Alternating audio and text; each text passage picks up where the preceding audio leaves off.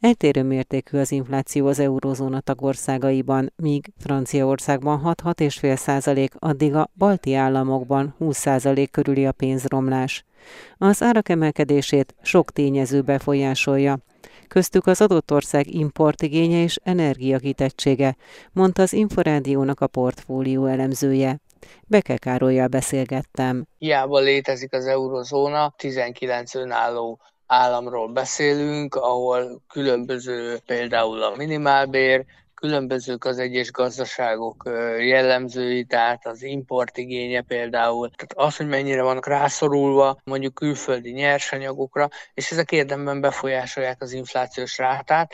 Tehát ö, alapvetően ez a közgazdasági oka annak, hogy különböző az infláció Európában, és a jelenlegi helyzetnek pedig van még egy külön ö, specialitása, ez pedig az energiaárak. Tehát ugye most, amikor azt látjuk, hogy a világpiaci energiárak nagyon jelentősen emelkedtek az elmúlt hónapokban, gyakorlatilag attól függ az egyes országok inflációs rátája az eurozónán belül, hogy hol mennyire terhelték rá a lakosságra ezeket a, a, az emelkedő energiárakat, illetve hol mennyire kompenzálta az állam ezeket a, a költségeket. Ugye az infláció az a, a fogyasztói kosárban jelenik meg, tehát hogy az inflációban akkor jelennek meg ezek az emelkedő költségek, hogyha a lakosságnak vagy a vállalatoknak magasabb árat kell fizetniük. Hogyha ezt az állam mondjuk a költségvetésen keresztül teljesen vagy részben kompenzálja, akkor ez nem jelenik meg az inflációban.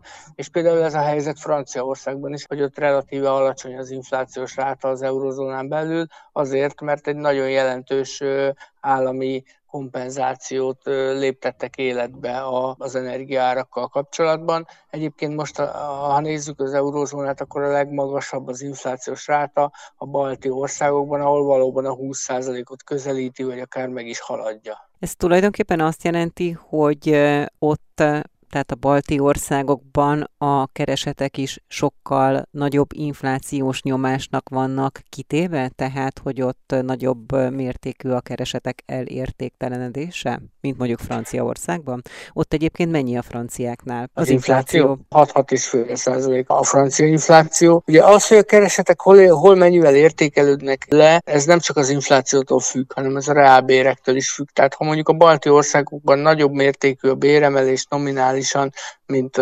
Franciaországban, és meghaladja az inflációt, akkor nem értékelődnek le a bérek, és akkor nem csökken ezeknek a béreknek a vásárlóéreje. Ugye a balti országoknál azt lehet még kiemelni a mostani helyzetben ilyen specialitásként, hogy ugye ők nem rég csatlakoztak az eurozónához, tehát ott még zajlik egy bérfelzárkózás, illetve egy árfelzárkózás, tehát hogy ott még ez, ez ilyen egyedi hatásként emeli az inflációt, hogy konvergálnak az eurozónához. Beke Károlyt a portfólió elemzőjét hallották. Júniusban rekordot dönthet a belföldi turizmus a Magyar Turisztikai Ügynökség várakozásai szerint. A részletekről Bauman Tuka Nikoletta kérdezte Cellen Ádámot, az MTÜ kutatási és ágazati képzési igazgatóját. Június végéig összesen országosan 15,5 millió vendégészakát regisztráltak a hazai szálláshelyeken, ez csupán 9%-kal marad el a, a rekordévnek számító 2019-es első fél év eredményeitől.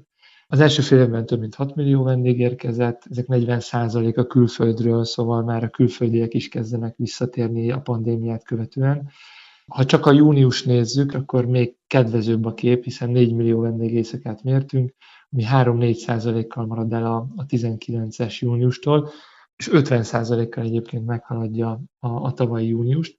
Hogyha július, ez idáig nézzük, itt július első közel négy hetét, akkor már több mint 4,5 millió vendégészakát mérhettünk, és hogyha az előfoglalásokat is hozzáveszünk, akkor közel 6 millió vendégészakánk lesz, ha minden igaz júliusban. Ez meghaladja várhatóan a tavalyi értéket. Kifejezetten biztató az, hogy várakozásaink szerint a, a júliusi számokban a, a külföldi vendégek már közelítenek majd a 2019-es számokhoz, és várhatóan a belföldi vendégek számában pedig meg is haladjuk a bezzeg évszámait. Tulajdonképpen akkor most úgy látszik, hogy akár új rekord is születhet, jól értem? Igen, bizakodóak vagyunk. Nagyon sok tényező befolyásolja ezeket a várakozásokat, vagy ezeket a számokat. Minden esetre az előfoglalások kedvezően alakulnak, Fontos ugyanakkor azt elmondani, és erre ezt, ezt igyekszünk is hangsúlyozni a megszólalásainkban, hogy folyamatosan változik a foglalási kedv, a foglalási ablak, változnak a, az utazási szokások.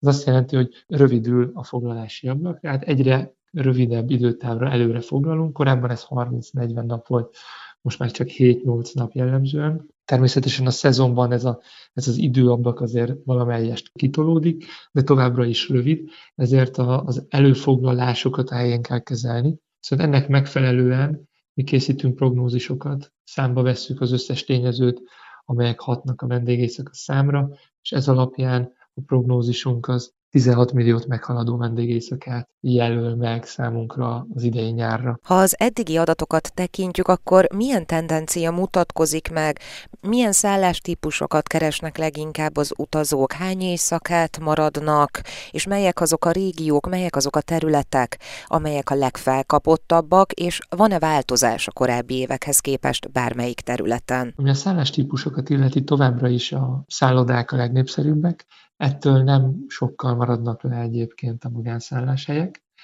és hát a térségeket tekintve nincsen különösebb változás. Azt leszámítva, hogy a pandémiát követően Budapest az ismét elkezd felzárkózni, most már minden ötödik vendégészaka Budapesten realizálódik.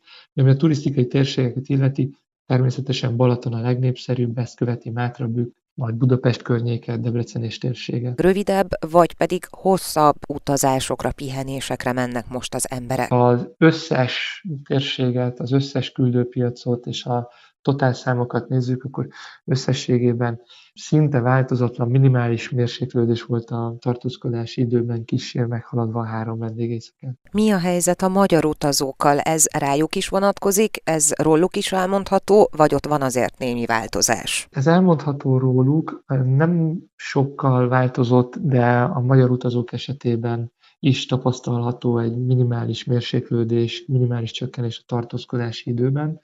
Kevéssé három alatt van az átlagos tartózkodási idő a Magyarország valamennyi szállásaiből képzett átlagot tekintve.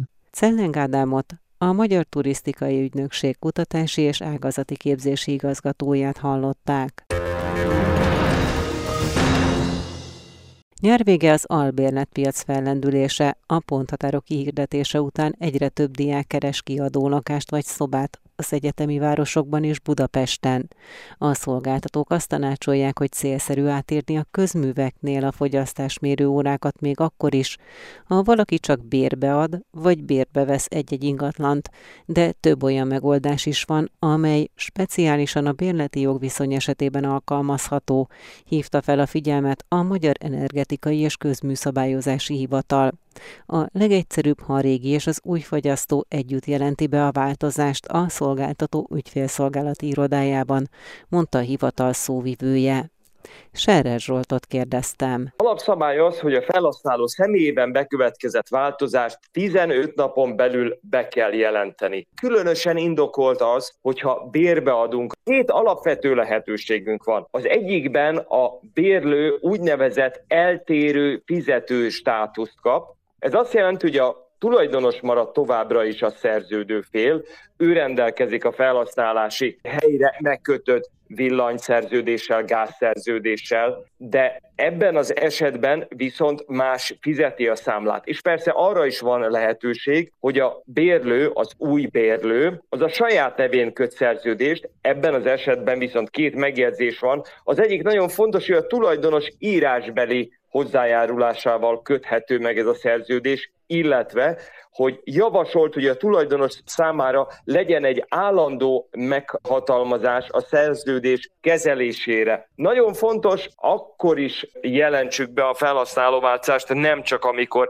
vásárolunk, illetve mint a jelen példa is mutatja, hogy például bérelünk, hanem például akkor is hasznos, hogyha szívességgel jutunk ingatlan használathoz. Nagyon sok esetben fordul elő, hogy pont egy ilyen egyetemi szezon kezdete előtt, hogy valaki, egy nagybácsi vagy egy nagynéni lakását fogja használni, Fontos ekkor is, hogy bejelentsük a felhasználóváltást, ne legyenek kellemetlen szituációk családon belül, pláne nem. Hol lehet ezt a bejelentést megtenni, és milyennek a legkönnyebb módja? Többféle lehetőség van. Az egyik, és ez általában a legjobb, a legpontosabb, hogyha a régi és az új tulajdonos, illetve a bérlő együtt jelenti be a változást a szolgáltatónak. Az ügyfélkapcsolati irodán egyébként minden információ fönn van a szolgáltatók weboldalán, az üzlet szabályzatukban megtalálható, de nagyon hasznos az is, hogy a kormányablakokon keresztül is, az ügyfélszolgáltatókon keresztül is meg lehet tenni ezt a bejelentést. Van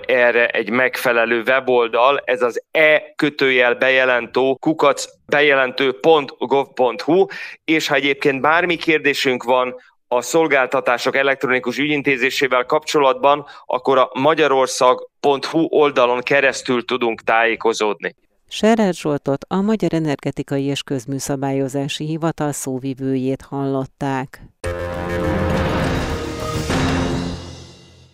Nőtt az érdeklődés az internetes keresések között. A kályhák és a kandallók iránt azt követően, hogy a kormány módosította a rezsijárakra vonatkozó szabályozást megugrott a megújuló energiát használó berendezések iránti érdeklődés is, mondta az olcsóbban.hu árösszehasonlító portál ügyvezetője Dévavári Dezső. Mivel az olcsóbbat.hu egy minden kategóriát kiterjedő árösszehasonlító oldal, ezért ugye nálunk azonnal látszik, hogyha bármelyik kategóriában meguglik a keresések volumene, és így volt ez a kormány két héttel ezelőtti bejelentése után is, amikor az azt megelőző héthez képest többszörösére ugrott a keresési volumen, a kájhák, kandallók és egyéb fűtési megoldások, illetve alternatív energiaellátások kategóriájában, és egyébként az összes háztartási gép kategóriában, tehát hűtőgép, mosógép, mosogatógép. Sajnos nem biztos, hogy a legjobb irányban, vagy a legkörnyezetbarátabb irányban indult el, vagy nőtt a keresési volumen. 14-szeres volt a keresések száma a kájhák és kandalló kategóriában, míg mondjuk ezzel szemben szemben a napelemek szélgenerátoroknál csak ugye 6-7-szeres volt. Ez konkrétan mit jelent? Milyen hány százalékos növekedést az előző héthez képest? Kályhák és kandallók esetében 1300 százalékkal, vízmelegítők és bojlerek esetében közel 600 százalékkal, hűtőszekrények, fagyasztószekrények esetében 400 százalékkal nőtt a keresési volumen, míg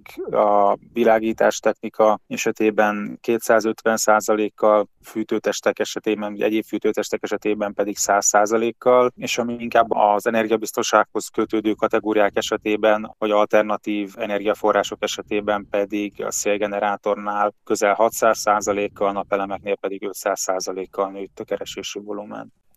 Dévavári Dezsőt az olcsóbbat.hu ügyvezetőjét hallották. Az energiaárak emelkedése miatt Magyarországon megnövekedett az igény a tűzifa vásárlására, és ezzel egy időben a tűzifa értékesítésével kapcsolatos visszaélések is megszaporodtak, mondta az Inforádiónak az országos erdészeti főfelügyelő. Nagy Dánielt kérdeztem. Faanyagkereskedelmi ellenőrző hatóságként mi is azt látjuk, hogy nagyon sok háztartás a korábbi mennyiségnél többet vásárol, illetve olyan tűzifa vásárlók is megjelentek a piacon, akik korábban néhány évig nem használtak használtak tűzifát, vagy még egyáltalán nem használtak tűzifát. A legfontosabb talán az, hogyha a jelenlegi piaci viszonyok között kapunk egy olyan ajánlatot, hogy másnapi szállítással száraz, olcsó tűzifát hoz nekünk bárki, csak utaljunk előre pénzt, akkor nagyon gyorsan keressünk egy másik beszerzési forrást, mert a jelenlegi piaci viszonyok között erre nagyon kicsi az esély, hogy valaki gyorsan és olcsó száraz fát tud szállítani. Hosszú várólista van minden erdőgazdálkodónál és fatelepnél. A legfontosabb javaslatunk még az, hogy lehetőség szerint helyi termelőt, erdőgazdálkodót, erdészetet keressünk, vagy helyi telephelyen rendelkező tüzépet, tűzifa feldolgozó vállalkozást, hiszen hogyha itt vásárolunk, akkor ha később bármilyen problémánk lesz, akár mennyiséggel, minőséggel, akár a szállítással kapcsolatban, akkor tudjuk, hogy kit kell megkeresni, vagy tudjuk, hogy hova lehet oda menni. Hogyha mégis hirdetés alapján szeretnénk vásárolni, akkor mindenképpen nézzük meg, hogy a hirdető feltüntette a hirdetésbe az úgynevezett EUTR azonosító számot. Hogyha ez nincs benne a hirdetésbe, akkor keressünk egy másik hirdetést.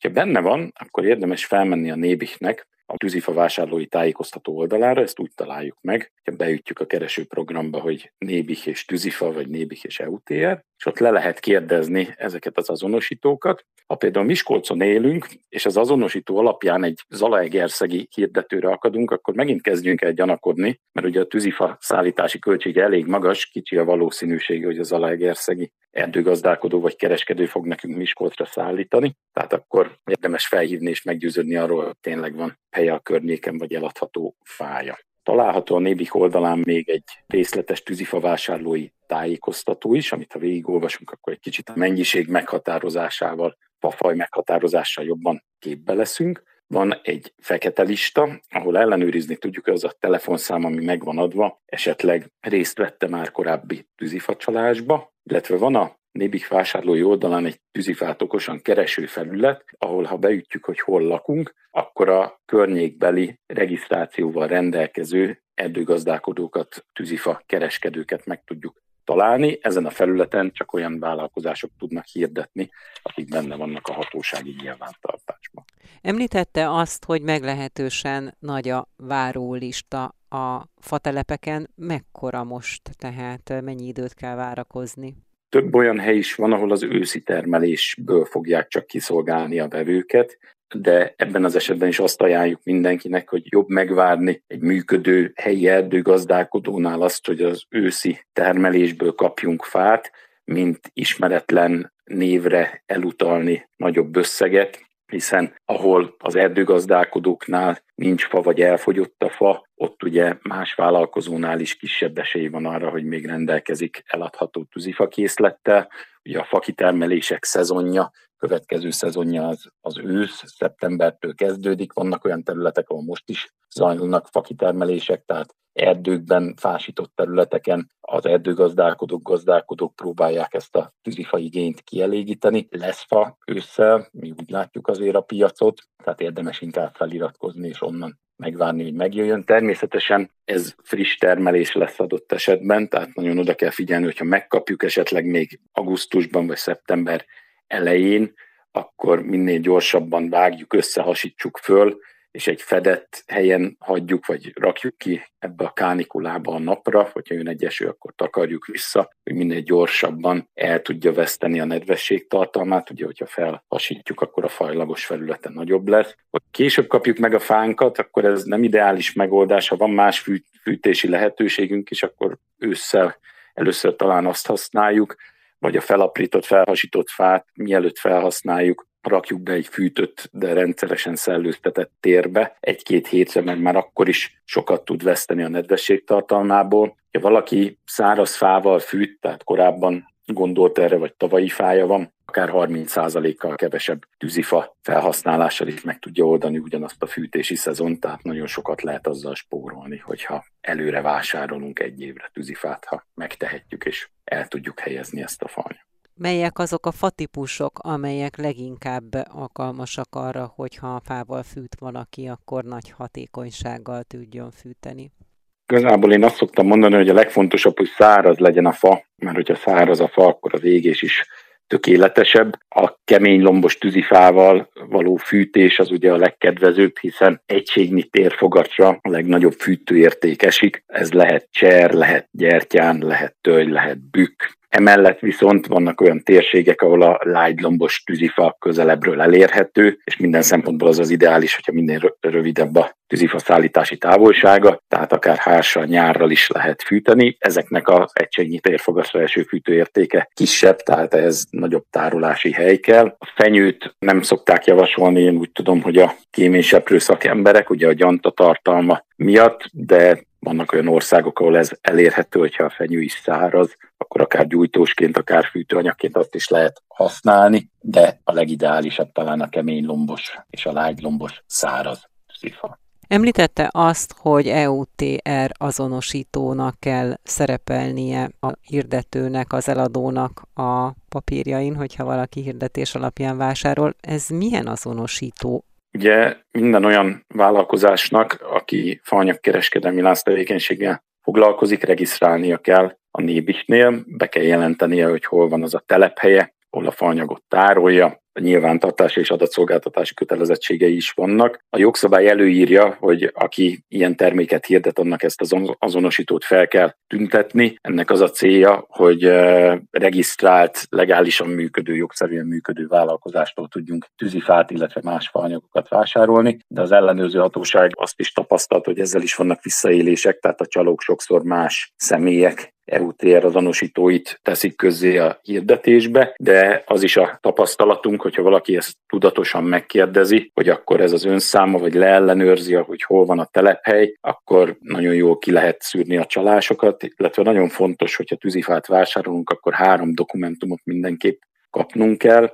Az egyik ugye egy nyugta vagy számla, a másik egy szállítójegy. Erre a szigorú számadású szállítójegyre kell feltüntetnie az eladónak, hogy milyen tűzifát adott el nekünk, métereset, konyhakészt, milyen fafajú volt ez a fa, mi volt ennek a mennyisége, milyen átváltási tényezőket alkalmazott, milyen eszközzel és hova szállította, illetve a harmadik az egy tűzifa vásárlói tájékoztató, aminek a tartalmát kötelezően a nébi hírja elő, ebbe pedig az van leírva, hogy hogy lehet ellenőrizni a tűzifa mennyiségét, milyen átszámítási tényezők vannak a különböző feldolgozottságú fokú tűzifa termékek esetén. Hogyha valaki tömegre vásárol, akkor emellé kell még kapni egy mázsa jegyet, amire pedig azt kell, hogy feltüntesse az eladó, hogy hol van az a hitelesített mérleg, ahol ő tömegre megmérte a fát. Ugye, hogyha tömegre veszünk, akkor ha ott vagyunk a mérlegnél, akkor ez egy jól ellenőrizhető módszer lehet, de a vizet is megvehetjük a fával. Hogyha térfogatra veszünk, akkor viszont egy kicsit számolgatnunk kell, amikor kihozzák a platón, hogy mégis mennyi fát hoztak ki nekünk. Viszont nagyon fontos, hogy csak akkor tudunk a későbbiekben bármilyen jogérvényesítéssel élni, vagy panasszal, hogyha ezeket a dokumentumokat megkapjuk. Ha ilyen dokumentumot nem kapunk, akkor valójában nem legális tűzifát vásárolunk, és ennek az a hátránya, hogy később ezzel kapcsolatban nem tudunk panasszal élni, vagy nem tudjuk az esetleges problémáinkat érvényesíteni az eladóval szemben. Nagy Dániel országos erdészeti főfelügyelőt hallották.